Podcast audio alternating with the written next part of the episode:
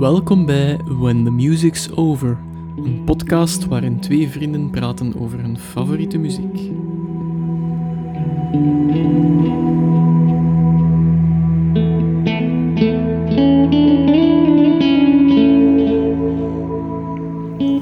Goedenavond allemaal. We zijn met de fiets gekomen. Eh, hallo en welkom nieuwe aflevering van When the Music's No Over. more Glen Morangi for you. Eh, ja, eh, we zitten in een putje zomer en het heeft een beetje invloed op, eh, op het gemoed, laat ons zeggen. Vandaag eh, een band die het commerciële verwierp en het kunstzinnige omarmde en daar in 64 eh, blijkbaar toch mee wegkwam op een bepaalde manier in een tumultueus New York City. Het is niet California voor een keer, pluim in ons noet. Eh, een 37-jarige Andy Warhol had zijn blikken soep en een leger van Marilyn Monroe's eh door middel van zeefdruk al op doek gezet. En wanneer dat hij in contact kwam met deze up-and-coming band die hij kortstondig zou managen en hij contact zou brengen met Duitse model Christa Pevgen, of Pavgen, hoe dat je het moet uitspreken, beter gekend onder de artiestennaam Nico. Hun debuutalbum is legendarisch en heeft mogelijk een van de meest iconische en grappige albumcovers aller tijden. Vandaag hebben we het over de Velvet Underground. Mwah, mwah, mwah. Vind die eigenlijk niet zo heel goed. Ehm, er is wel een bepaalde reden waarom dat we die ehm, coveren. Eh, ik heb er nooit echt naar geluisterd. Bij mijn weten. Toch niet echt eh, gericht naar die albums. Maar ik kende wel redelijk wel losse vlodders van eh, zowel Lou Reed als, eh, als, de, als de Venus in Furs, als de Velvet Underground. Ehm, maar we gaan dus zoals altijd even beginnen bij het begin. Ja. Ehm, Wilde jij het vragen of ik het vragen? Ah. dat is eigenlijk... eh, omdat je er altijd commentaar nee, op geeft. ik was naar een t-shirt dan ik naar een t-shirt. Nope. Ja, dat is van Magic the Gathering. Dat is een, een obscure referentie dat niemand snapt. Ehm, ja, wat had jij het, het eerste Velvet Underground gehoord? Pertinente vraag, Steven. Eh, ja, nee. Ik denk dat we die ongeveer op dezelfde moment ontdekt hebben. Hè? Ja. Allee, ja, ontdekt, eh, gehoord hebben. Ehm, we gaan dus weer al terug in de tijd naar een... Ik, ik weet, ik ben niet meer zeker van het jaar, maar ik denk de zomer van 2001. Eh, ja, dat denk ik wel. Klopt dat? Eh, ja, dat klopt. Eh, was een redelijk warme zomer dat ik me kan herinneren. En ehm je had toen TMF, die nog films uitzonden. Films met betrekking op muziek, of toch vaak op muziek. En op een avond, op een vrijdag of een zaterdagavond, was dat The Doors dat ze gaven. Een biopic van Oliver Stone. Ja. Ehm, en ik was er blown away van, voor een of andere reden. Ik heb er nu ook een mening over, die wat bijgestuurd is sinds dat ik het hele verhaal over de Doors ken. Maar dat was wel een cultuurshock voor mij. Dat was echt mijn eerste tastbare visuele ehm, kennismaking met de jaren 60 en de cultuur van de jaren 60 in Amerika, in Californië. En op een bepaald moment in die film komt Jim Morrison in contact met Nico. Ja. Eh, en zit hem in de Factory, denk ik, Ja. bij Andy Warhol. Wat fantastisch gespeeld wordt door Crispin Glover. Dat is, dat is enorm goed gedaan. Ehm hij geeft hem, ik wijs dat hem Jim Morrison in die film een telefoon geeft. Ja, dat zegt gewoon telefoon. zo. Now you can Ja. talk to God. Ja, inderdaad. Echt extreem cool. Die film, dat is eigenlijk de samenvatting van die film. Zo wat, Ja. een beetje het mythische van de Doors, waar dat ze proberen in beeld hebben gebracht. Wat wel de bedoeling was van Stone, maar goed, we gaan maar geen, geen recensie geven. Op een bepaald moment spelen ze ehm, Venus in Furs Ja. in, die, in die factory. En we wisten al van, ja, dat is er echt raar. En er lopen zo mensen rond die verkleed zijn als vampieren en dwergen. En vrouwen die dan mannen blijken zijn en omgekeerd. En er wordt gepoept in elke donkere hoek van, van dat ding. En dat was gewoon raar. En dat was echt van, Jesus Christ, wat een subcultuur hebben die daar. Eh, en dan lot eh, de Velvet Underground er de soundtrack van geweest zijn, van gans die subcultuur. Ehm, of dat dat echt zo was, eh, geen idee, maar het was wel zo dat er heel hard... ehm, ja, onder leiding van Warhol ten, als, als speelfiguur... artsy-fartsy en kunstzinnig om kunstzinnig te doen, dat dat wel heel hoog in het vaandel gedragen Mm. werd. Zodat eh, we moeten hier meer doen dan dat de samenleving ons oplegt dat we kunnen doen. Hè. Zo, zo dat, denk ik. Ehm, en ik ben dan ook de soundtrack van die film gaan bekijken en beluisteren. Vooral beluisteren, minder bekijken. Eh, en er stond ook Heroin op en Venus in Furs van de Velvet Underground. En dat was waanzinnig. En ik vond dat goed op die moment, want ik vond dat raar. Ja, ja, En wat raar was, was de facto bij mij toen goed. Dat was iets dat ik kon ontdekken en ja. Leren begrijpen. Ehm, ja, dat was, dat was mijn eerste aanvaring met de Velvet Underground. Ja. En ik denk dat dat bij u niet anders geweest Dat is juist hetzelfde eigenlijk. Ehm, en die soundtrack heb jij mij dan een cadeau gedaan voor mijn verjaardag deze zomer. Een gekopieerde versie wel eens hoor. DIY, man. DIY. En, ehm, ik, weet niet, ik denk niet dat ik ze nog heb. Zo eens moeten kijken. Maar goed, ik heb me dan vol een bak de albums van The Doors eh, beginnen aanschaffen. Ja. Want ik was er even blown away van als jij. Absoluut. En ehm, op die soundtrack stond inderdaad Heroin. En ik dacht dat dat Jim Morrison was dat dat zong. Ja, oké. ja. En ik dacht ik van, ah, dat klinkt zo raar. Dat is een andere dat, groep. dat klopt echt niet. Die viool erbij. Dus, uh, dus ik erachter achter gekomen inderdaad, dus dat dat de Velvet Underground was. En ehm, ik deel dezelfde mening, zo van, dat was vreemd. En eh, dat was dat goed. Ja, ja. Ehm, en ik herinner me nog dat we er bij jou thuis naar ontlusteren waren. Ehm, wij hadden er zo ons plakje achter de computer, juist dat je binnenkwam. Yep. En eh, Jij zat op de, op de, de vensterbank. de vensterbank op de borduur die langs binnen nog Ja, stak. ja. En op een stoel. En soms wisselden we zo. Ja. En ehm Heroin stond door die, was door die boxen aan het knallen. Echt zo dat stuk met die viool. Zo. Ik weet dat oma binnenkwam. en die echt zo dat van, wat is die jongen? Kattengang. Ja, ja. En jij dat ook echt ontverdedigen. Dat is kunst. echt zo, vol overtuiging zo. En- dat was voor ons kunst. toen. ja, en ehm, ja, dat is waarschijnlijk ook hetgeen dat die muziek in de jaren 60 teweegbracht bij mensen. Zo, ja, de, de lovers en de haters waarschijnlijk. En, Yep. ehm, ja, ik moet nog bij mezelf vaststellen. Ik heb mij op een week tijd door de discografie van de Velvet Underground geworsteld. Echt, ik heb nog nooit zoveel moeite gehad om mij door nummers te ploegen van een, een band. Ja, ik moet dus vaststellen dat ik dat ook echt bagger vind. dus ik sta, ik sta blijk, blijkbaar ben ik... eh, ik sta voor heel veel lopen, maar Niet voor dat. ik, ik, ah, wel, ik, ik denk dat ik ergens mijn grens gevonden heb. Zo, Ja. Zeker, ja. Ah, genre. ja. Ehm, ik, ik, ook kei grappig, ik was er dan naar ontlusten, maar ik ben dus iemand, ik volhard door en ik moet dat van A tot Z gehoord hebben, in de hoop toch nog iets te ontdekken Mhm. van, ja, misschien gaat dat of dat nog horen. Eh, wat dat niet het geval was dan, dat bleef altijd even monotoon en slecht. maar ehm ja, eh Eline, mijn vriendin, die hoorde dat, dat was echt zo half elf, s'avonds zo. En ik was mijn boterhammen aan het voor eh, de dag daarachter, ja. En die, echt, die werd er ook echt zo aan bedankt van, zo, wat is dat, jongen? Wat, was ze de geel ontluster? Zo, ja, dat is voor eh, de podcast, of wel ik dacht, alsjeblieft, en die werd er ook echt mega aan bedankt over. Dus dat, dat brengt het dus echt wel nog Ja, teweeg. ja. Bij, bij mensen dat dat niet goed vinden. Ja. dat- Maar ik reken mezelf er eigenlijk ook Ja, wel ja. toe ondertussen. Eh, ik kan dat eigenlijk... Ja, ik kan dat heel matig appreciëren.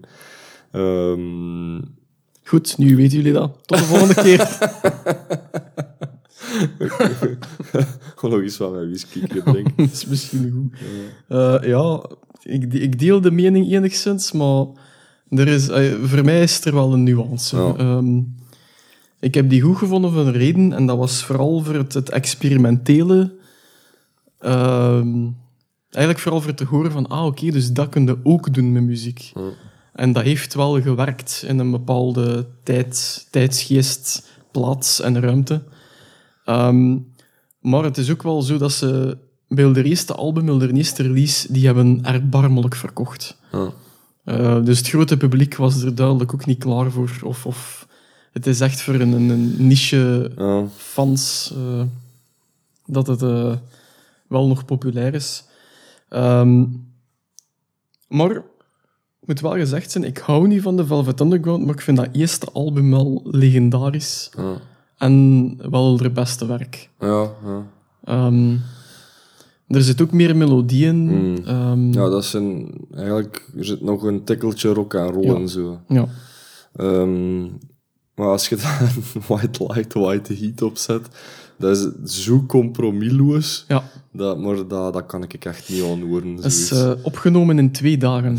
Verschrikkelijk. White Light, White Heat. Echt verschrikkelijk. Ehm het eerste album was van 65. Ik denk dat White Light, White Heat, als ik naar mijn notas hier kijk, 68 was. ja. Ehm, en dat was ook op het punt dat ze niet meer samenwerkte met Andy Warhol. Ja, Dus dat was ook ja. niet echt lang dat dat geduurd heeft. Omdat Lou Reed het een beetje beu was in welke richting dat hem de Velvet Underground wil trekken. Wat ik wel begrijp als Ja, je de ja. latere richting van, van, eh, van Lou Reed Ja. eh, weet. Mhm. En Nico heeft hem ook buiten gekieperd, omdat hij ook niet meer met jaar wou samenwerken voor Hmm. geen idee. Zij zegt dat zij te veel in de spotlight stond en dat hij dat niet leuk vindt, maar dat is ook zo, ja... Je weet het, hè. Ja, was er ook niet sprake van dat Lou Reed een relatie wou of zo met Nico, maar dat zij dat dan niet zag zitten? Oh, of toch een relatieperikel Ja, alleszins, want ze was dan ja, ook met Jim, eh, Jim Morrison Ja. samen. Eh, en hij heeft er dat dan ook niet echt Ja. in dank afgenomen. Zo. Het feit dat ze zij dan als, als Ja, ja. zangeres in, die, in zijn groep kwam eigenlijk, wat ik ook wel Ja, ja, ja. wel begrip voor. Wat ik raar vind aan die White Light, White Heat is, je komt van de Velvet Underground en Nico, dat eerste album met die banaan op, hè, we hebben die Ja. cover al vernoemd, dus dat is dus een witte Ja, background is wel met een gele cover. Iconisch, hè. Ja. Een tekening van Andy Warhol. Ik weet niet waarom dat ze voor een banaan gekozen hebben, maar het noemt ook de Banana Album dan in de... In de, de ja, iedereen noemt dat zo eigenlijk. Ehm, maar bij die, dat openingsnummer van die White Light, White Heat vond ik wel nog goed. Eh, en de naam ontsnapt me nu. Ik weet niet of jij het er voor nu liggen hebt. Eh, ik ga rap eens kijken, anders is het niet gift. Ah, wel. Ehm, Ehm, Want ik dacht van, we komen van, van de Velvet Underground en Nico. Oké, ja, ik snap welke richting dat ze uit willen gaan. ja. Oké, we gaan het volgende album en dan beginnen ze echt met een... Eh, het noemt White Light, White Heat. Ah, het is eh, ja. self-titled zelfs. En dan The Ehm, Gift. The Gift vind ik het meest verschrikkelijk nummer Ja. dat erop staat. Dat is dan met die spoken word, Ja. met dat verhaal van die Ja. vent dat zijn eigen in een doos steekt. Ja, dat is echt vreselijk. En Lady Ja. Godiva's Operation vind ik ook echt Dat is ook- vreselijk. Ik vind Sister Ray, waar dat Ja. heeft de... de eh allee, noemen ze? Sisters of Mercy, hebben die er ook eens Ja. niets eh, mee gedaan? Ja. Ja. Alleszins eh, 17 minuten duurt dat, geloof ik. En dat is ook... Dat stopt, dat begint, dat stopt, dat begint. En dat is ook niet voor mij. Maar die White Light, White Heat vind ik wel een goed nummer. Dat is, dat is het beste nummer van de plaat, vind ik. Dat, dat is echt een single. Ehm, ik denk trouwens, David Bowie heeft dat ook een, een tijd live gespeeld. Hè? Hmm. Want eh, zou kunnen. Bowie was ook, was ook een ver uitgesproken fan van de Velvet Underground. Kende Lou Reed ook persoonlijk. Ja. eh. En die heeft eh, Transformer van Lou Reed geproduceerd met Mick Ronson van de Spiders from Mars. Ja, als je dan, ik vind dat heel verwonderlijk als je dan ziet wat, eh, de verdere evolutie gaat dan in 69 nog een self-titled album, Ja. en dan zonder Nico. Ja, Dat begint zo wat tedere muziek te worden. Zo, hè. Die, dat zijn tedere balladetjes zo. Ehm, en daar herken ik dan wel meer Lou Reed in. Dat is ook een beetje gemakkelijker om naar te luisteren, maar ik vind dat niet hoogstaand. ja. Ehm, maar dan Transformer vind ik wel weer een, een immens... Ay, dat, is, dat is niet van de Velvet, dat is, dat is Lou Reed dat is. Lou Reed. Ja. Maar ik denk dat Perfect Day en zo daar ook op staat. Perfect Eh, Day en mijn favoriet nummer van Lou Reed, Satellite of Love. Ja, Ehm, maar dat, dat vind ik wel echt knappe songs. Dat, allee, en, en dat is niet veel later. Ik Ja. denk dat dat, is dat vier jaar na de Velvet is of Ja. zo. Ehm, en dat vind ik wel neig straf, dat, eh, eh, want hij is begonnen eigenlijk als singer-songwriter, Mhm. Ay, of, of hij, componeerde nummers voor een platenlabel, Ja. Reed. Zo is hij begonnen in de Velvet Underground. Ehm, maar dan, ja, mijn, mijn goede productie en goede kwaliteit, want die kwaliteit op die albums van de Velvet Underground... Die eerste dat twee, dat is... ja. Maaf, dat is, dat is gewoon niet waard van op LP te komen. Die White. Light, White sorry, Heat ja. is zo mogelijk nog slechter dan Dat de eerste album. Echt hè. niet te doen, maar ja, goed, dat, ja, dat hoorde dan in het concept blijkbaar. Maar als je dan hoort, Transformer, goed geproduceerd album, Ja. afgewerkt, dan hoor ik wel eh, een heel kwalitatieve singer-songwriter. Zo. Daar hoorde echt Lou Reed als, als ja, in, toppunt van zijn kunnen, denk ik. Hij heeft dat dan wel nog eens herhaald, eh, vind ik persoonlijk. En dat is met het album Lulu samen met Metallica. Ja, ja. Dat, dat is voor mij even tenen krommend als dat ik naar de Velvet Underground Ja. luister. Omdat je zo precies de indruk had, als je dat, ik was toen in de wolken, zo, oh, Metallica, je er nu album uit, en het is met Lou Reed, wow, ça va. Ik legde dat op, ik, ik kost dat zo'n hey, eh, pre-listen doen, en denk de flank Mhm. was dat toen, of, of in de mediamarkt, ik weet het al niet meer. En ik hoor nou zo, dat ze, ah ja, is aan het zingen, en er op de achtergrond speelt precies Metallica. Dat past hem totaal niet samen. Die zaten precies En- in dezelfde nee, studio. ook, nee. dat, eh, ja. En ik kon dat echt niet horen. Want dat is dan ook... Dat project is op eh, Jules Holland gekomen. Ja, En dat ik ook van... Oh, rete slecht. Man. Ik heb het me nooit gekocht. Overlast stond ik nog eens in de winkel met album in mijn handen. Van, ja, zou ik het op mijn collectie toevoegen? Maar ik kan dat gewoon niet kopen. Nee. Ik vind dat... Dat is een vrie... Want het is ook zo ja, heel kunstzinnig. Het is van een, een opera of zo. Of, een, eh, een Eh, theaterstuk van ja. Frank Wedekind. Ah, ja, eh, The Lulu Place. Ja. Het zijn twee theaterstukken. En ey, dat op zich vind ik wel cool, maar ehm, als ik dan kijk naar Cradle of Filth, die hebben zo'n eh, conceptalbum over die graaf in, wacht eens, Battery. eh, Elizabeth Bathory. ja, inderdaad. En dat vind ik graaf, dat is, dat is volledig uitgewerkt. En dat album heb ik in mijn collectie, omdat ik dat echt kunst vind. Gewoon. Ja, Hoe dat ja, ze dat, dat, ey, dat is ook voor veel mensen tenen krommende satanische muziek, maar ik Ja, vind ja. dat geweldig. Hoe dat, dat vind ik echt kunst. En daar ken ik ook van. Of eh, ehm, herken ik ook van. Ja. Ah ja, dat, dat is, er is iets mee gedaan als een conceptalbum. En ja, Lulu op de een of andere manier spreekt mij daar niet in aan. En, en het gaat hem ook weer om het feit van, het raakt me niet. Eh, het dringt niet binnen. En dat ik met de Velvet Underground ook. Dat, Ja, ja, ja. Ik, ik hoor zo... Als ik, het meest positieve dat ik erover moet zeggen is de gitaarsound is jaren 60 en dat is misschien nog een tikkeltje cool. En voor de rest eh, kan ik er echt niks goed over zeggen. Ja. Want je hoort ook in die eerste albums dat, dat Lou Reed is gitaar aan het leren spelen, precies, hè, along the way. Maar, ik vind nou wel dat Lou Reed... eh, Ik hoor wel, ik hoor wel dat hij kan spelen. Hij doet er zijn ding mee, hè, Ja, ja. ah, wel ja. Dus die, die, die kan wel iets. Dat is zeker. Maar gewoon, ja, de gitaarkeuze, de sound, de... Die hebben geen producer gehad doen. Nee, nee. Gewoon niet, hè. Maar dat is, dat is zo, ja... Dat is, ik vind dat erbarmelijk, echt. Dat is, Hm. ja. ik, ik ben er redelijk gevoelig aan nu, merk ik. Dat ik zo naar een, een lo-fi audioproductie moet luisteren. Zo, ja. Maar nu dat we het zelf gedaan hebben van begin tot einde dan. Misschien, ja, ik weet het niet. Nee, maar ik snap wat je wilt zeggen. Dat, ik denk dat het ook belangrijk is dat je weet van waar dat Lou Reed komt. Ja. Ehm, dat is een, een, een- die heeft eh, Engelse literatuur gestudeerd. Mhm. Die is afgestudeerd met wat dat wij kennen als eh, hoogste onderscheiding. Dus Ja. wat is dat, top 20% of top 10% van de scores? Ja. Ehm, is, in, is een jaar. Had een, een, ik, ik heb de naam nu niet voor me, maar hij had een. een ehm, allee. oh. Een, een, ja, een, een dat poëzie schrijft, een, een, poët, ja, gewoon, ik kon het een poët noemen. Hm. Hij had een poët als eh, leerkracht in de... Welke universiteit was het? Syracuse University? Ehm, Sycamore University, excuseer. Sycamore University in California. Ehm, en daar heeft hem eh, Bachelor of Arts gehaald in Engels. Eh, heeft heel veel gelezen in zijn tijd. En als je dan die eerste nummers van de Velvet Underground hoort, gelijk Venus in Verse, eh, wat volledig gebaseerd is op eh literair werk van een... was het hier? Ik had het hier opgeschreven, ik vond het wel interessant.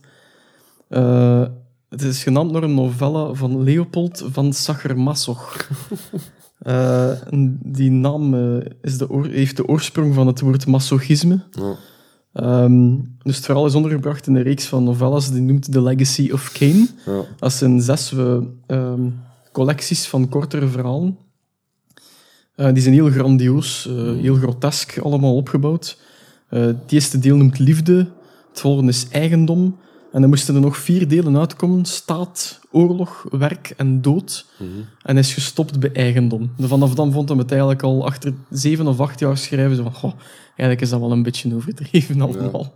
Ehm, maar eh, het vierde boek in het deel van liefde, dat is Venus in Verse. Ja.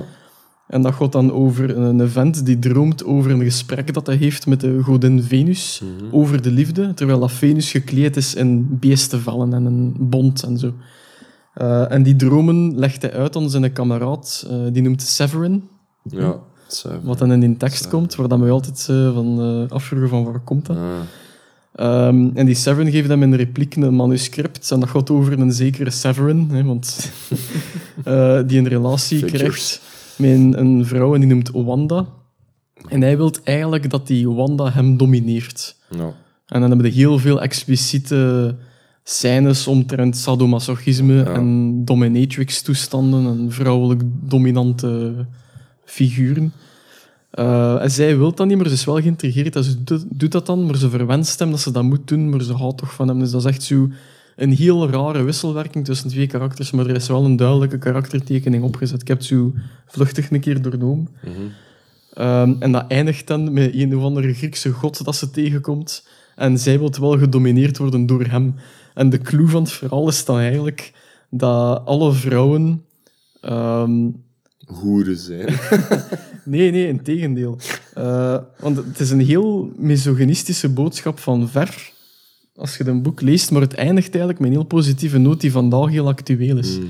Zijnde dat alle vrouwen, ehm, als ze die situaties niet meer willen voorhebben eh, tussen man en vrouw, dan moeten die echt gelijkgesteld worden. Mm. Die moeten dezelfde rechten krijgen en er mogen geen verschillen zijn tussen man en vrouw. En dan pas kunnen die als equals eh, een dergelijke relatie aangaan, als companions. Mhm. Het gaat dan echt over companionship in, in die boek. Ik vond dat wel vrij actueel nu, vandaag. Zo'n Absoluut. boek uit 18 in de 60 Ja. of in de 70. Eh, visionair. Ja. Maar dat, dat materiaal was dus eigen voor de Velvet Underground op hun eerste album. Ja, maar het was ook al, allee, zelfs zonder die achtergrond, snapten mensen wel dat dat nummer eh, dan specifiek over SM ging. Ehm, veel teksten over drugs en zo, dat Mhm. was not done ook. Hè. Dat was ook niet gez- ongezien eigenlijk, dat er zo expliciet over gezongen werd. En echt een, een ervaringsdeskundige, hè? want Lou Reed heeft, eh, Ja, ja. eh, hoe noem het daar, ehm, tuberculose opgelopen, denk ik, door een naald. Of, of niet? Ah, je noemt die ziekte, je krijgt er van een lever. Hepatitis. Hepatitis, ja, dank u. Heeft er hepatitis opgelopen eh, van een naald. De eerste keer dat hij een naald gebruikte, had hem die ziekte al vast. Hij heeft er tot het einde van zijn dagen mee gesukkeld en is er uiteindelijk ook eh, door, na een levertransplantatie ook ongestorven, denk ik, of toch onrechtstreeks. Ehm, ze hebben heroin, ze hebben nog een nummer, White Light, White Heat. Gaat Ja. over metamfetamine eh, en de effecten ervan. Beschrijven terwijl ze het zingen zijn. Eh allee, ja, zo die dingen. En dat- dat is echt eigen... Want heroïne heeft een heel negatieve en donkere eh, ondertoon nu, maar in die tijd was dat nieuw. En Ja, dat, sowieso. dat had nog niet diezelfde connotatie, hetgeen dat dat nu heeft. Ja, in de jaren 60 moet dat wel neig geweest Ja. zijn, die drugs. hè. Ja. Ehm, wat ik ook een beetje ehm, hoor in, in de Velvet Underground is een beetje het verlengde van de beatniks in de jaren 50. Ja. Zo. Ja, de Poet Generation, inderdaad. Ja. Ja. Ah, wel ook weer dat literaire, hè, want die kwamen ook van William... ehm, is het William Burroughs en een dergelijke die te- van die generatie komen? Sa- Salman Rushdie? Nee, die is van de jaren 60. Ehm, Oh, ik ken die periode echt niet goed. eigenlijk. nee, ik ook niet. Ja. Ik ben aan het Jack Kerouac? eh, ja, Kerouac, daar Ja. was ik aan het denken. Down, down the road of on the, Ja. on the road. Ja, ja. Dat is zo wat het enigste dat ik ervan opgezocht heb in der tijd. Ook vooral omdat ik wist dat Jim Morrison er mega fan van was. Ja, van ja, de. Hitchhiker. inderdaad, inderdaad. Ehm, Het is wel een cool gegeven ook. Het is op zich wel een toffe boek dat ik wel gelezen van Jack Kerouac. Maar dat is inderdaad, dat is de beatnik-generatie volgens mij. Ja. Er is ook een eh, film over gemaakt met Kirsten Dunst, die? On The Road eh, verfilmt. Ah, cool. Dat ik heb ik heb niet een gezien. dikke boon voor Kirsten. Dunst, wie dat dat nog niet wist. Allen Ginsberg. Ja, Dat is voilà, eh, ja. ook een En eh, die film, die werd echt mega slecht onthaald. Iedereen van dat bagger. Ik vond het een leuke film, ik vond het echt goed. ja, ja, ja. Maar dat zit dan zo in dezelfde sfeer al. Dat is zo, ja, vrije liefde, drugs. ja. eh, Niet mee willen doen aan de maatschappij, zo. Ja. niet participeren. Ah, wel. En ja, Wat ik wel cool vind, is als je de kanttekening maakt met... In onze tijd hebben we ook geluisterd naar The Cure en dergelijke, en Radiohead. ja, Dat zijn voor ons, de, dat is meer de kunstzinnige kant van de muziek. Dat is alternatieve muziek, maar dat is wel, dat Ja. daar verder dan eh, een hit scoren op de radio of wat luchtige poppymuziek. ja, En ik denk in die tijd dat de, die rock and roll, en dat was hip en dat was cool. ja. En de alterno van die tijd moet dit geweest zijn. Hè? Dat, dat moet de Velvet. Underground geweest zijn. Ja, ja, dat is inderdaad wel heel alternatief en Hm. eh, eh, experimenteel sowieso. Het gans die, die beweging, ik weet niet of ik het omdat er net eh, off-air gezegd hebben, maar, maar die scène in die film met de Velvet Underground, Ja, je ziet dat ja. daar mensen als vampier rondgeloond lopen, dwergen, vrouwen die dan mannen blijken te zijn en omgekeerd. En terwijl dat die muziek zo bezig is en als je er dan binnenkomt en je hebt iets gepakt, dat moet zo desoriënterend geweest zijn. ja, Dat ja, is- inderdaad. Ja. Maar dan die muziek, dat is er wel een soundtrack van op een of andere manier. Dus het is wel een, een trip, denk ik. Ja, Het is ook wel gestuurd geweest door, door eh, Andy Warhol natuurlijk. ja Een is, contraire figuur op zich. dat is op zich ook wel een figuur waar dat ik ehm, eigenlijk geen fan van ben. Ehm, ik, ik, ken hem, ik ken niet genoeg van kunst om er echt een uitgesproken mening over te hebben. Ik, weerom, ik ga puur op mijn gevoel af. Hè. Dus Ja. mijn, mijn buikgevoel. Ja, en die banan, ja, dat is fijn. En iedereen kent dat. Gelijk ook die zeefdrukken van Marilyn Monroe en zo. Toen, dat, dat- als je dat ziet, denk je direct aan de jaren 60. hè. Dat is, ey, dat, iedereen weet dat dat, pop art Mhm. Ja, is. ja. Dus op, die, op dat vlak heeft hij wel een, een ja, enorme verdienste. Gelijk dat iedereen Picasso kent.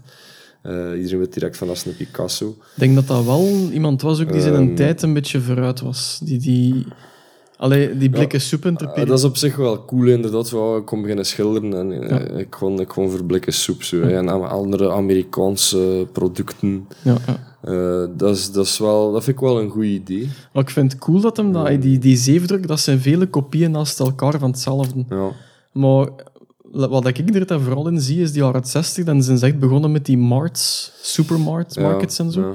Waar dat je de massaproductie hebt van, van de goederen. Wel, ja. Dat vond ik er zalig aan. Die frank is eigenlijk gevallen bij mij de voorbije paar weken, zonder dat ik er echt bij stilgestaan heb. Ja, ik weet niet. Ik, vind dat net niet. ehm, allee, dat, is, dat is fijn inderdaad dat er zo'n een, een massaproductie voor het publiek is geweest. Maar langs de andere kant ehm, heb ik dat er een beetje moeilijk mee om dat dan nog als kunst te zien.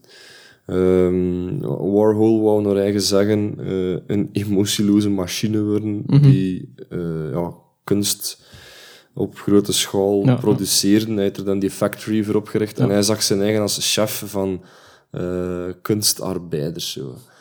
En dat, dat concept op zich, oh, dat, nee, dat, dat zegt mij niks. Ik, kan, ik kan niet zeggen dat ik dat, dat ik dat goed of slecht vind, het zegt me gewoon niks. Ja, ja, ja. En ergens, zo die termen, dat begint al serieus te wringen, zo met mijn idee van, wat vind ik goed. ja.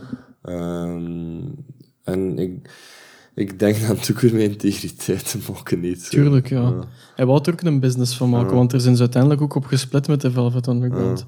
Ja. Lou Reed heeft contractbreuk breuk gepleegd met Andy Warhol en die heeft al laten gaan. Ja. Maar dan eiste Warhol nog wel 20% van alle royalties, van alle verkoop van dat eerste album van de Velvet Underground. Wat hem nooit gezien heeft trouwens. Ah, nee, oké. Dat hebben ze nooit, eh, nooit kunnen verheffen. Ja, ik vind ook wel... Ergens vind ik het dan ook weer niet te verbazen dat... Pardon. ehm, Andy Warhol, The Velvet Underground... ehm, ja, misschien introduceert op die manier bij het publiek. Eh, en er zo die, die Nico aan toevoegt. Dat was ook op zijn aanvraag. Heel raar eigenlijk. Ja, Maar eigenlijk verschiet ik er niet van dat die twee samen zijn gekomen. ja. Ehm, Zeker niet als je er later werk hoort. hmm. Dat neigt ook meer naar het kunstige van, van de zaak. Ja, ja. Een Duits model was dat, hè? Die Nico, ja, daar moeten we misschien ook nog eens op eh, inzoomen. Want dat is wel een, een, een speciaal Ja. figuur, om het Ja. heel zachtjes Ja. uit te drukken. Dat is een, eh, ja... Een Oost-Duitse, dacht ik. Het zal u misschien niet verbazen, maar er zijn eigenlijk twee linken met de Susie en de Banshees. Mhm, mhm. Die eerste link zijnde dat eh Susie Sue een grote fan was Ja. van Nico. Ja. wat, als je er werk hoort van dat ze in de jaren tachtig gemaakt heeft, niet verbazingwekkend. Inderdaad. Dat is zo zwart of de nacht, dat werk. Weer ook ehm, direct in die gothic Er schiet mee, sfeer. eh, ja, schiet mee één nummer te binden, The Janitor of absoluut. Lunacy. Ja. Is Een van Waanzin. mijn favorieten. Waanzin. Maar dat vind ik op zich wel goed van Nico, die solo-albums. Je- Hoe dat ze, ja, dat ze zingt in, in de Velvet, goh, dat is heel bevreemdend, vind ik, die zang. En je merkt ergens nog wel wat dat ze zoekende is Ja. ook. Ehm, op zich werkt het wel, denk ik. Zo dat Oost-Duits accent, Denk een beetje in Amerikaans, het vreemde ook Ja. weer. Ehm, ze is geen topzangeres op dat moment. En wat ik mis maar met het, die... het zet zo een, Ja, een, een... Hoe zeg je dat? Een- een Berlijnse muur. het is een statement, echt, denk ja, ja, Ja, toch wel. ja, Want eh, mijn favoriete nummer van Nico is eh, These Days. oké. Dat vind ik echt een super schoon nummer. Dat is met zoveel emotie gezongen. En ja, eh, we, we hebben in de tijd ook wel zo vluchtig gehoord. En dan was het van, ja, dat is Post Morrison, dat is keihard en een eulogie voor Jim Ja, Morrison. ja, en zo. Wat misschien wel zo was, want ik weet, niet, ik weet nog altijd niet exact hoe dat, dat verhaal Ja, met Nico was. Dat- Ja, hij heeft er een kortstondige relatie Ja, mee gehad, maar dan wel. altijd naar Pamela Curson teruggekeerd, eigenlijk. Ja, met elke vrouw. Ehm, maar ehm, de moment dat Nico hoorde dat eh, Jim overleden was in 1971 in Parijs, ze, ze, verfden, ze, was, eh, ze was blond, denk ik. En omdat ze wist dat Pam ook eh, ros was, kleurde ze haar, haar, haar haar rost. En eh, toen dat ze dat hoorden, is het zwart geverfd. Echt het zwart geverfd. Dus die, dat schrijft Steven Davis in zijn biografie van Jim Morrison. Die was echt wel smoor verliefd op Jim niet, Morrison. Ja, en, en daar heeft hij volgens mij wel blijvend van afgezien, zo, dat verlies Ja. van Jim. Eh, en die is ook echt miserabel onder ende gekomen. Hè. In 88 een hersenbloeding gedaan door Op een ongeval met een fietsrit. velo Ja, ja, in, ja. In, in Ibiza. In vlakke zon. Wat de hel. allee. En eigenlijk op het moment dat ze het beter begon te doen, hè, want ze, heeft heel lang geworsteld met heroïneverslaving. En ze was eind jaren tachtig ten eigenlijk kon het afkicken goed en wel. En het ging goed. Mhm. En dan kreeg ze dat. Dat is, dat is ja, ja, tragisch, hè. 50 jaar of wat was ze Ja, nog een, niet een misschien. tragisch... Ja. ik vind eigenlijk wel een tragisch figuur. Ja. Nooit echt doorgebroken, maar altijd ook wel haar eigen ding proberen doen. Maar ja. Ja. ik had al in een vorige podcast gezegd, ik denk met The Cure dat dat voor mij de Ice Queen is. Zo Ja. van, Ja. nog meer... Omdat we toen gehad hebben ook over gothic zo. Mhm. En, en oh, wat is gothic? Ehm, maar zij moet dat niet spelen zo. Zij heeft echt zo dat, dat. Ja. dat harde Duitse zo. Ja. Dat, en, en ja, voor mij is dat, dat is echt in, in alle bands of, of zangeressen is dat voor mij de Ice Queen gewoon. Ja, ja. En Ik vind dat op zich wel een, een goede titel. Ah, Ik bedoel, dat is, dat is een compliment zo. Ja. Ja. Als je één nummer opzoekt van eh, Nico, dan moet je These Days een keer opzoeken. Mm. Dat is echt dat is een super schoon nummer. Dan hoorde eigenlijk dat ze ook echt met heel veel emotie kan zingen. Iets dat je wel mist met de Velvet En Underground. als je de Ice Queen eh, wilt worden, moet de Janitor of Ja. Lunacy opzetten. Ja, Hè? ja, Dat is echt... eh, dat, dat snijdt Ja. merg en been. Hè? Ja. Wat ik wel ook een cool nummer vind van de Velvets op die eerste plaat is All Tomorrow's Parties. Dat is ook Dat zo- zingt zij ook. Ja. Dat is wel leuk, ja. ja, ja. Dat kan ik nog wel smaken. Een Sunday Morning vind ik ook niet slecht. Dat ik is, veel eh, gespeeld vroeger op zondagmorgen, als ik niet, Ja. niet mee wou naar de mis. Zo'n heel ja, rustig nummer kunnen zeggen. en eh, Waiting for My Man, luister, dat is ook, ja, dat is, dat is zo die Rock and roll, roll. Ja, Eh, want dat is ook wel hetgeen, denk ik, waar dat ze mee geassocieerd worden in de Rock and Roll Hall of Fame. Ja. Maar ik vind dat, dat vind ik een heel rare keuze dat ze de Velvet Underground in de Rock and Ja. Roll Hall of Fame Ja, hebben eh, opgenomen in Ja. 96. Ja en nee. Maar daar gaan we subiet even over uitweiden waarom dat ik denk dat dat misschien wel terecht is. Ja. Eh, ik kan het wel nog eens hebben over die Sunday Morning en een aanzet geven naar hetgeen waar ik het eigenlijk over wil hebben. Mhm. Ehm, dat is het openingsnummer van de plaat. Dat is het eerste dat je hoort. Zo die belletjes zit. Dun, dun, dun, dun. Maar de manier waarop dat die zingt, de structuur van een nummer, ja. en het feit dat dat allemaal zo in een waas precies Ja. hem afspeelt, is voor mij de eerste plaat dat ik kan labelen, als ik het echt moet labelen, als shoegaze. Ah, Dat is voor mij de shoegaze of de dreampop, gelijk dat ze dat noemden. Ehm, dat is een genre, ah of de mensen dat niet kennen, een genre dat gekenmerkt is door heel veel gitaarfeedback. Eh, hoog volume en heel vaak, gelijk bij de, noemen ze My Bloody Valentine hoorde dat, heel vaak eh, naar de achtergrond gemixte vocals. Waar dat je eigenlijk Ja. echt de muur van geluid Ja. letterlijk op één lijn in uw, in uw, in uw eh, buis van uw stagjes krijgt. maar ik vind dat, de manier waarop dat hij er zingt, dat, dat geeft me echt zo al die feel dat ik heb als ik luister naar een plaat van, van eh, Jesus and Mary Chain of eh, My Bloody Valentine. Mhm. Ehm, we hebben dan ook die White Light, White Heat. Eh, David Bowie was er zot van, van dat openingsnummer. En die heeft dat jarenlang live gespeeld. Hij heeft die ook opgezocht, de Velvet Underground. Is kameraad geworden met Lou Reed. Heeft Transformer in 72 voor hem geproduceerd met een van de Spiders from Mars. Ehm, en ik vind die plaat op zich, dat erachter komt, de Velvet Underground, vind ik wel een progressie op dat eerste album. Want dat, dat, ik vind Ja. die White Light, White Heat inderdaad verder, dat trekt op de bal. Nee, ik vind dat ook niet, totaal niet goed. Wat ik wel hoor, is dat als je naar Sister Ray luistert, en je luistert dat uit, dan weten we dat Sonic Youth de mosterd gaan halen is. Ja. Ze vernoemen de Velvet Underground als invloed en ik hoor het echt. Ik, ik merk in nummers van, oké ja, je hebt dat gehoord en je hebt dat en dat eruit gehaald.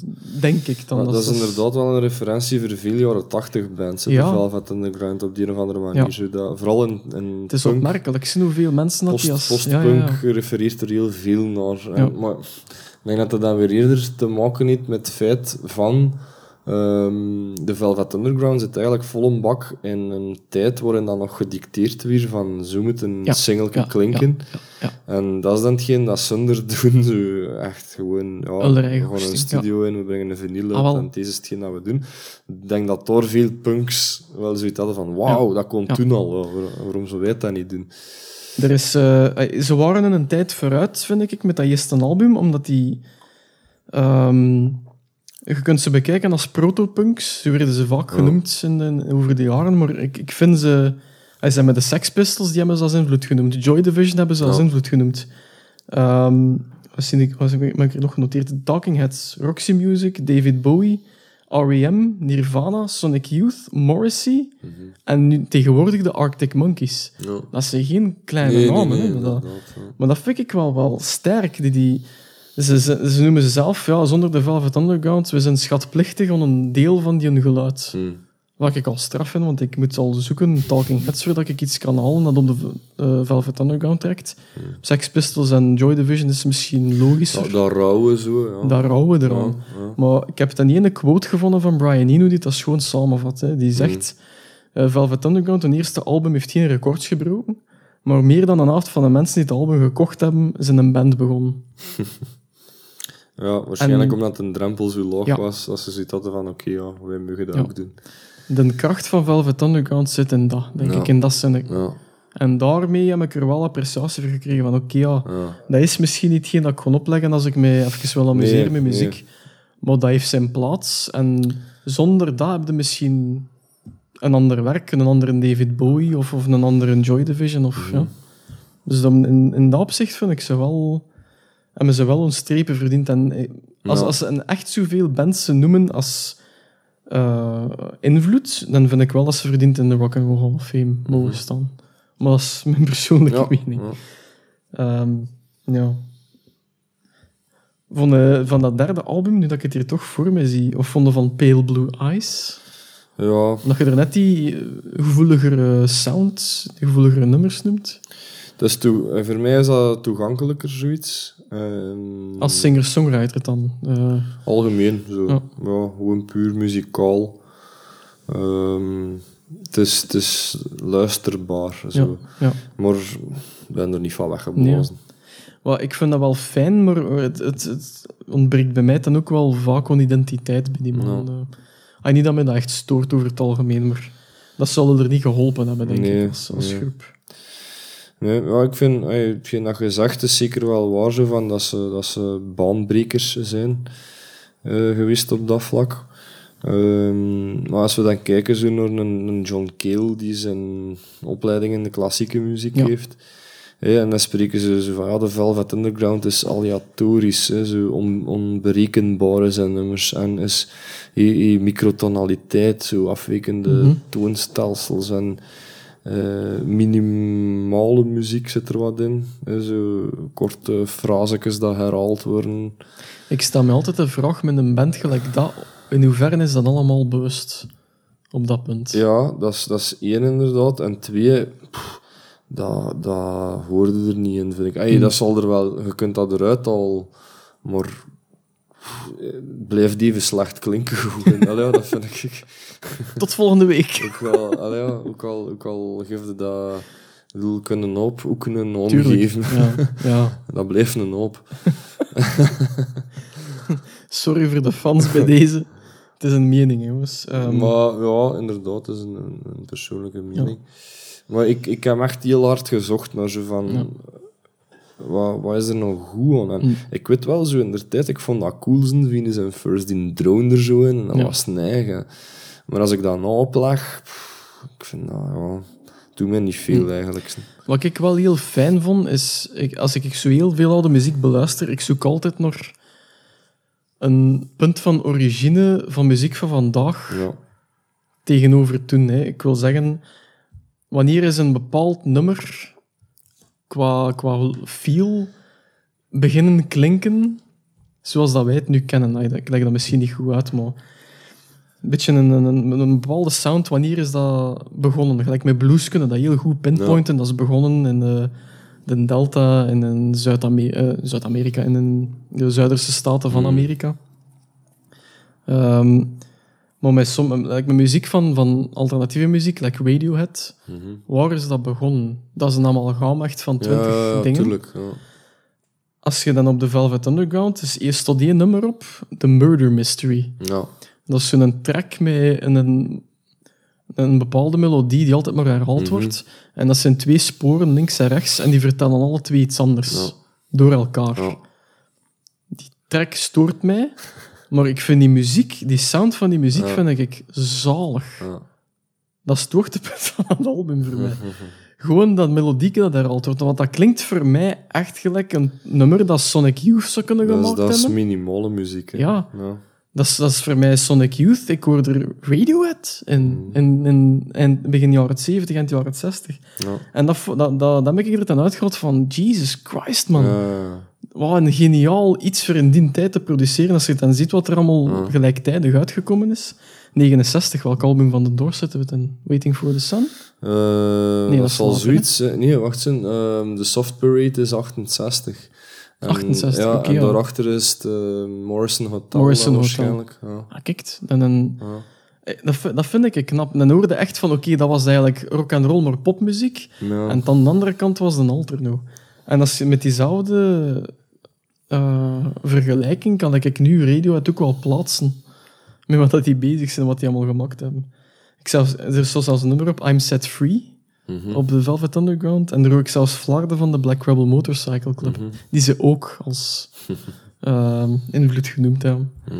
Dus ja, het is, het is over het algemeen, de VU is een heel rare groep voor mij. Dat, dat- ik, vind ze, ik kan er niet, niet goed naar luisteren, buiten dat eerste album.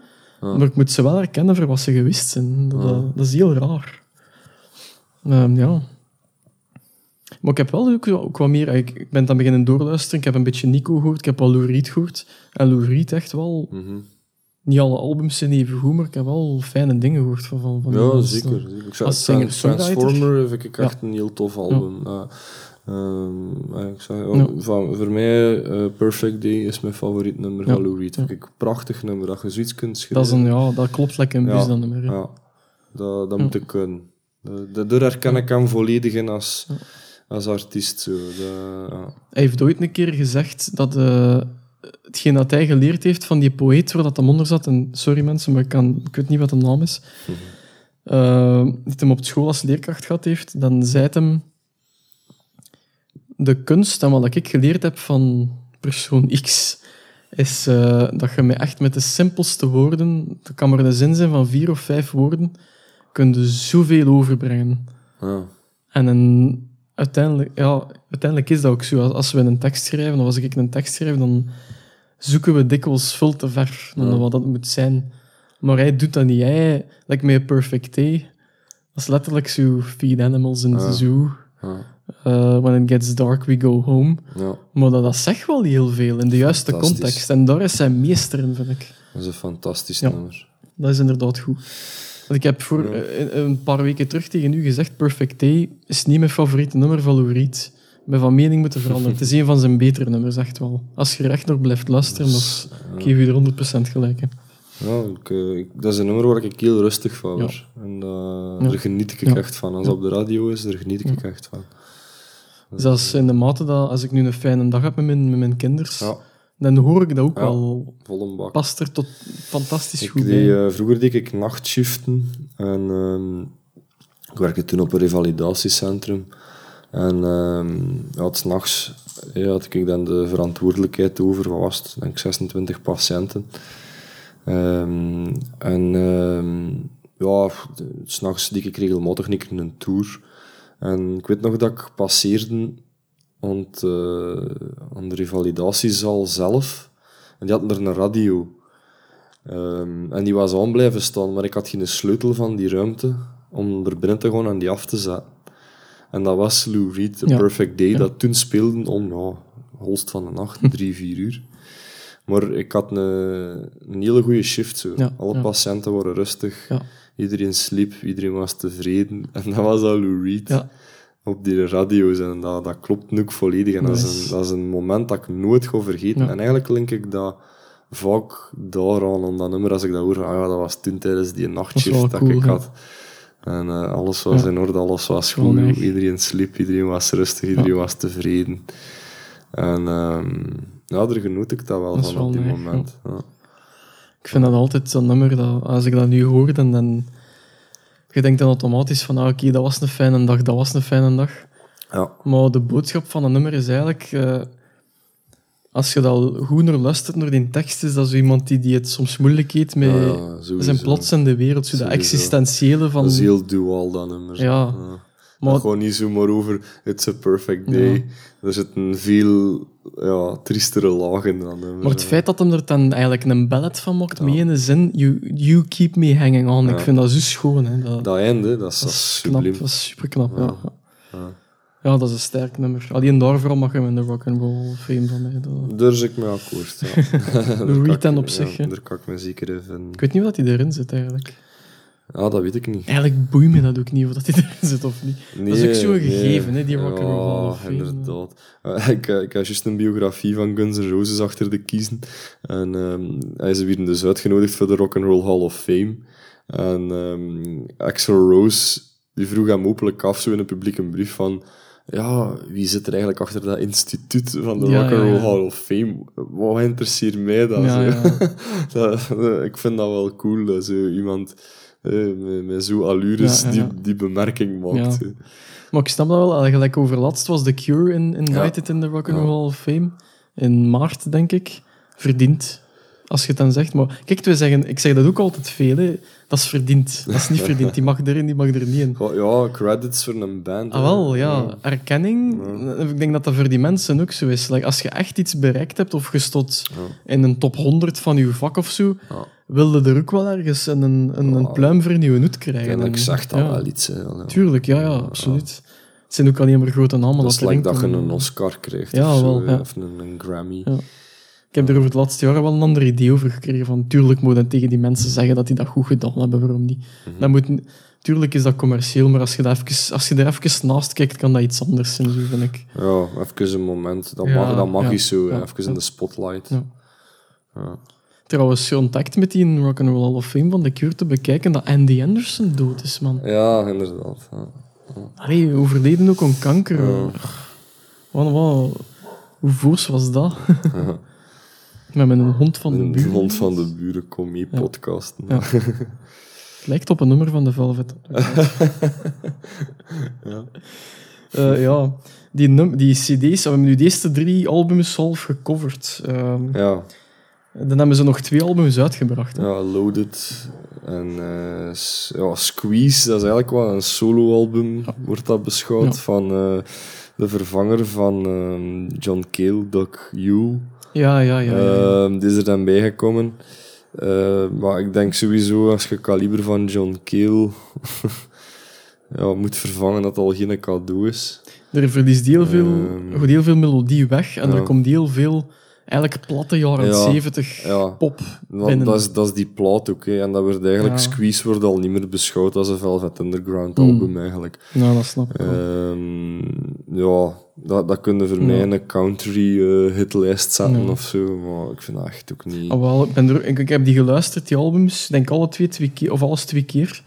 En mijn, ik had mijn besluit opgeschreven per album.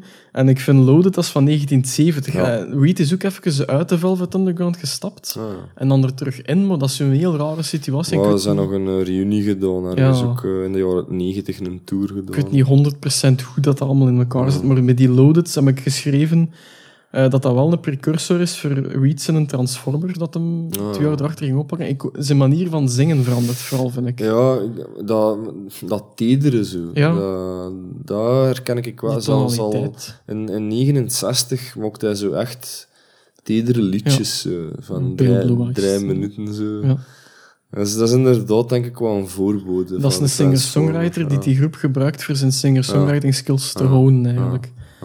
Eh, ik heb erbij gezet, het is een beste productie tot nu toe, Loaded. Maar het begint heel goed, maar dat mondt uit in een saai album. Ja. dat is echt een saai album. Dus ik, ik heb er niet echt opmerkingen over, ik vind het gewoon Er niet... zit geen wel- dynamiek in. Ik kon dat niet, nooit meer opzetten, denk ik. Nee, dat album. nee, kans is heel Ik heb dat gehoord en ja, dat is niet voor mij. En Squeezed zelf, saai album. Maar Reeds, laat hem dat wel kennen als songwriter, want ik vind structureel dat die Squeeze goed is, maar dat materiaal stond mij gewoon minder aan. Dus dat is, dat is eigenlijk zo'n sisser voor op het eindigen. Hè. Als zo'n de Velvet Underground, dat eerste album was zo baanbrekend en dan eindigen die zo met jaren 70 rock en Dat roll. gaat echt, eh, ja, dat dooft uit. Ja. De Velvet Underground dooft echt uit, vind ik. Zeker met mij. Ai, als je dan hoort wat dat Reed solo gedaan heeft, Ja. vind ik dat zo jammer dat dat. ai. Ja, zwart. En dan heb je 85 VU. Ik heb denk ik de Arctic Monkeys al een keer vernoemd, Mhm. eh, recentelijk. Eh, blijkbaar komt eh, de- beste plaat van de Arctic Monkeys is AM. En ze hebben een Is dat titel. met dat cardiogrammetje Ja. zo? Ja, Ja. dat is wel een bom van een Dat is een plaat. bom van een plot. Ik vind echt al haar beste werk. Ik vind dat geniaal. Elk nummer erop klopt, lekker een bus. Eh, tot daarover de Arctic Monkeys, dat is voor de podcast over die band. Ja. Maar de plaat VU van de Velvet Underground is voor dat ze die naam van Ah, ah, ja. gehad hebben. Ze hebben er zo wat tribute om proberen brengen met AM, Arctic zo, Monkeys, oké. VU, Velvet Underground. Hè. Maar als je dan ziet, like, like Alex Turner, dat is ook wel zo'n lyrische. hè. Ja. Allee, dat, eigenlijk is er niet van te verschieten Nee. dat hij door wat de gaat Ja. halen. Die zijn ouders zijn denk ik alle twee leerkrachten. En dat heeft wel zijn, eh, zijn vruchten ook zo, dat in de Shadow Puppets Ja. en zo. Dat, oh. Wat cool van Alex Turner, om daar even over uit te wijden, heel even, is uh, die schrijft zijn teksten gelijk een rapmuzikant, gelijk een rap-singer-songwriter. Je moet er eens op letten als je dat hoort. Die breekt zijn zinnen soms af op voor een rijm te krijgen op de meest onmogelijke man. En dat marcheert fantastisch in de muziek. Dat is echt de sterkte van, van die mensen Ja. zijn kunnen. Ehm, maar ja, die plaat op zich, dat is puur een...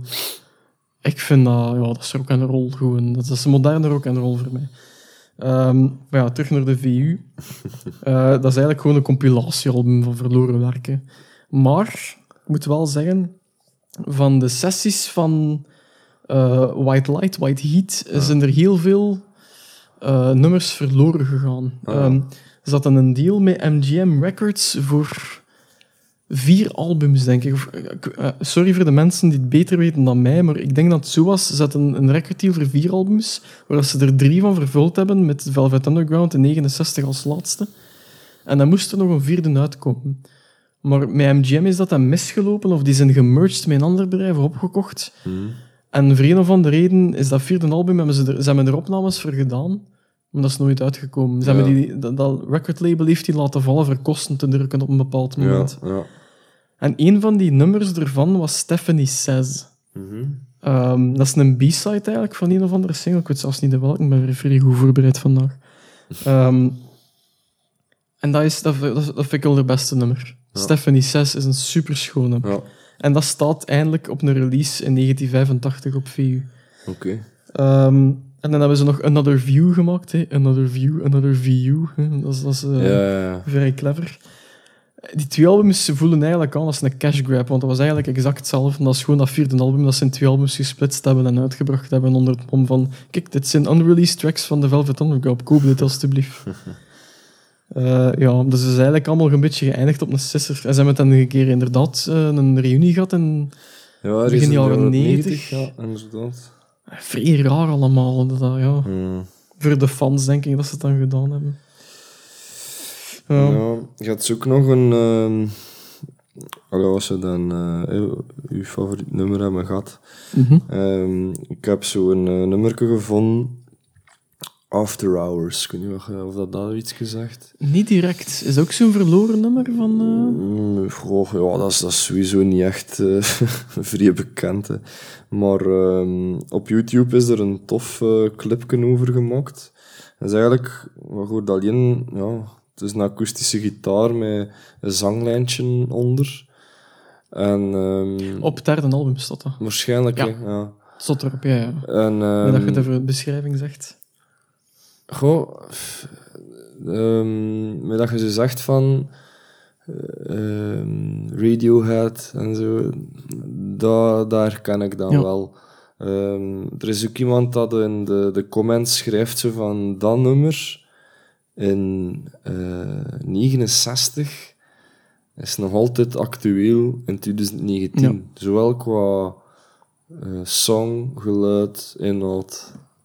Dus ze ze zijn inderdaad wel... Allee, Ze hebben ergens een snaar Ja. bij mensen, hè, bij de juiste mensen. Ah, Dan wel, blijkbaar. eh, het zotte vind ik ook dat je zo op, eh, ja, je dan op, op You- YouTube White Light, White Heat opzoekt en Mhm. je kijkt naar die comments, mensen flippen er echt van, dit is zo cool. Ja, en echt ja, die ja. jonge mensen, hè, zo, dat je dan denkt van, damn, ja, oké, co- cool vooral dat je er naar kunt luisteren en dat je dat goed Ah, wel, vindt. maar ik kon nu iets, iets Ehm. heel oud zeggen van mij. Waren wij anders in die tijd? Nee, nee, inderdaad. Maar de, blijkbaar is dat toch geëvolueerd. Ja, Eh, tuurlijk. Ja. Ik denk dat dat niet anders kan dan evolueren. Ik, ja. eh, allee, ja, ik, ik, ik vroeg me echt af, van, is ik nou echt zo narrow-minded geworden? Want ik, ik vatte het niet. Nee, dat denk ik niet. Ehm, ook Ik heb hey, met, de, met de Jan Jekman dat er ook even over gehad. En die zei ook van, nee, ik deel die mening. Dus ik, vind dat, ik vind dat ook niet goed. Ik, eh, ja. Muzieksmaak is gelijk kaas, hè, dat rijpt. Dat. Of een goede wijn dat je een paar jaar moet laten liggen. Maar, maar toen inderdaad, als onbeschreven blad, Ja. ontdekten we dat. En kwam dat wel binnen. Ja, ja, Allee, ja, dat, Misschien omdat er plek voor was, Ja. ik weet het niet. Ja. Ik zou durven zeggen, ik weet niet of dat echt zo was, maar door die groep zijn er wel andere groepen binnengesukkeld. ja, ik, In a way. Ik heb, ik heb inderdaad, ik ben even aan het denken geweest. Ik, ik kan inderdaad geen andere alterno groep opnoemen ehm, die zo'n lage drempel heeft op eh audioniveau, Mhm. waardoor dat inderdaad mensen ehm, die een drempel durven te nemen van, ah wel, ik ga zelf ook een plaat maken. Ehm, Zeker in deze tijd. Maar bij mij is dat juist omgekeerd. Want wie mij het privilege gegeven om nummers te beginnen schrijven, dat is Jim Morrison. Bedoel, allee, dat Ja. was toen de grootste rockstar in de jaren 60. Dat is allee, literair. Dat wordt gedoseerd om, Ja. om eh, universiteiten in Californië zijn poëzie. Dus dat, dat is echt baanbrekend. Dat is echt iets nieuws dat hij gemaakt heeft. Dat is, dat is een genie, hè. Allee. Dus no fucking way dat ik daar ooit aan kan. Maar gewoon zijn, zijn, eh, zijn manier van schrijven en zo sprak mij aan. En ik had zoiets van, wow. Op de een of andere manier gaf die met privilege van, doe dat ook. Schrijf ook maar Ja. eigen nummers, dat, dat, dat mag. Toestemming gekregen. Degene die mij, die mij het privilege heeft gegeven om, om mijn eigen stem te horen en om te Mhm. zingen, dat is Brian Molko. in het begin zong ik ook zo wat nasaler. Ja, ja, ja. ja.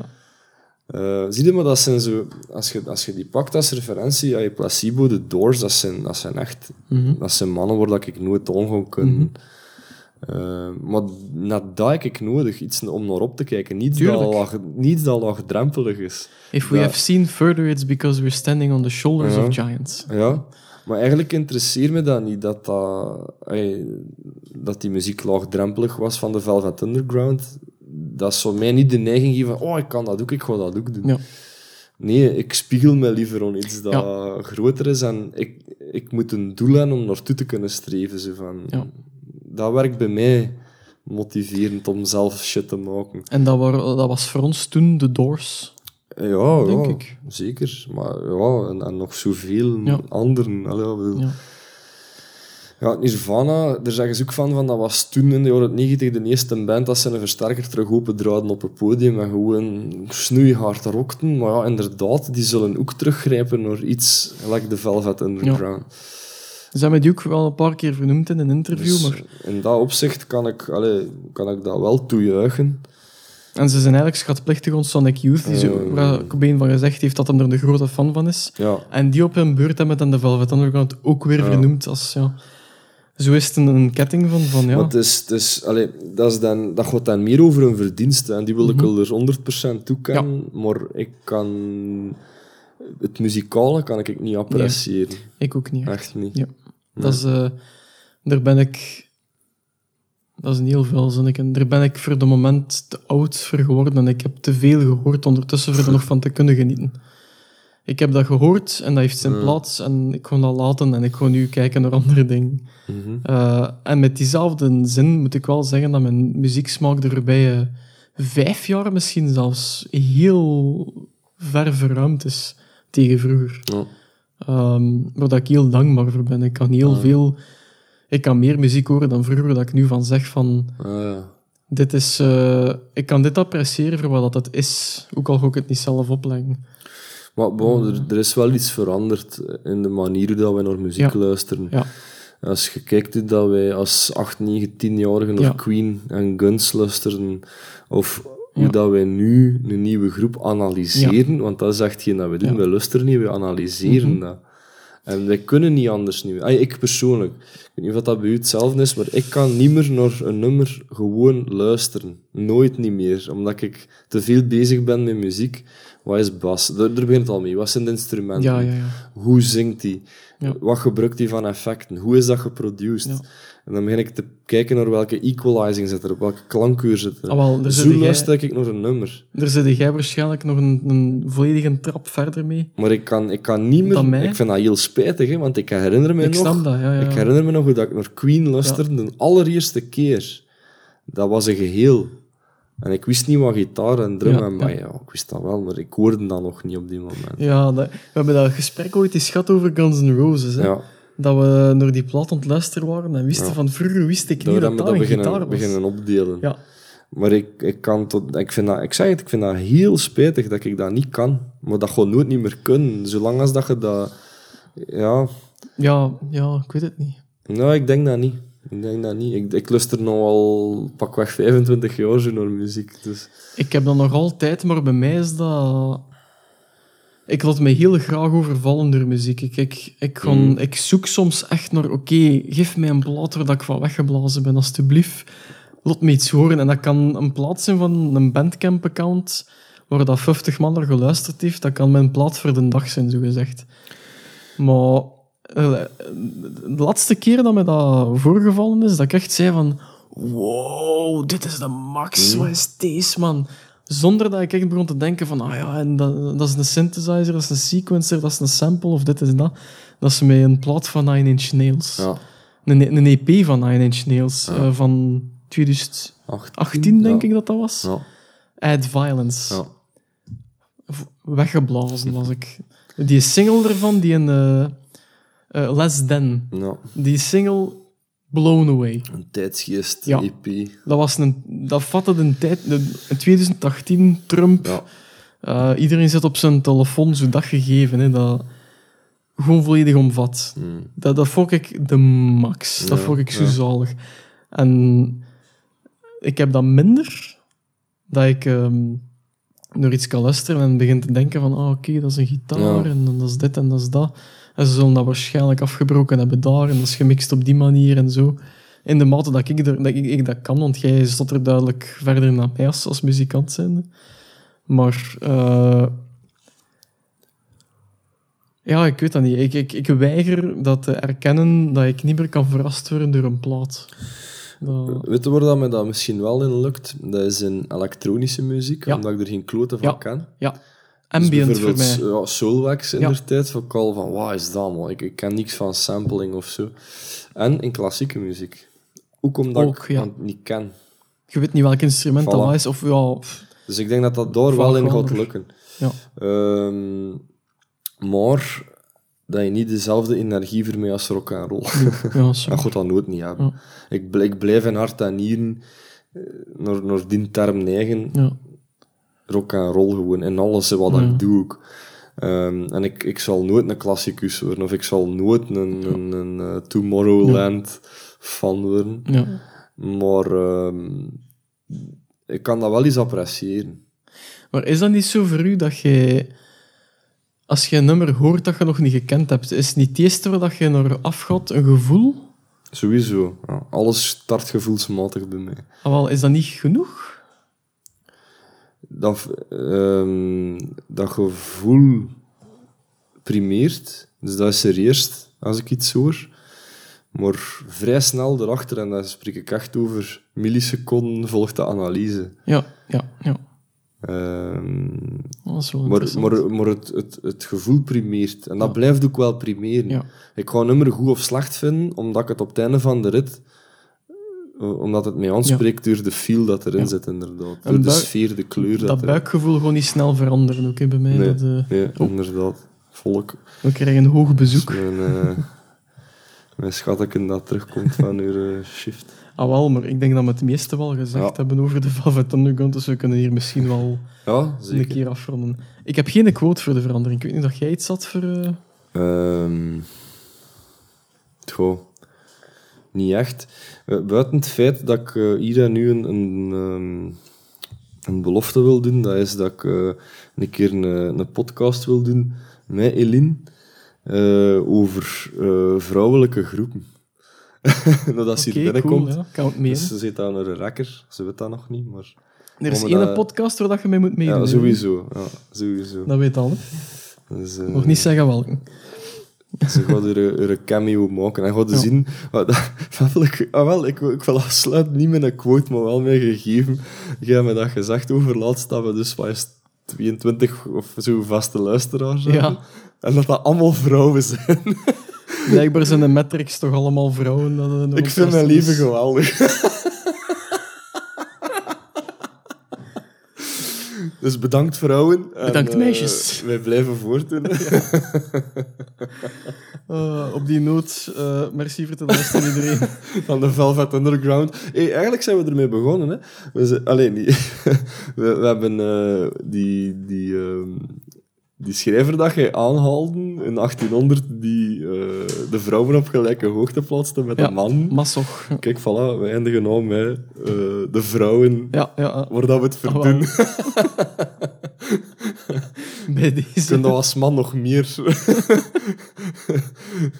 buigend, We neer- praten uren en er luisteren vrouwen naar.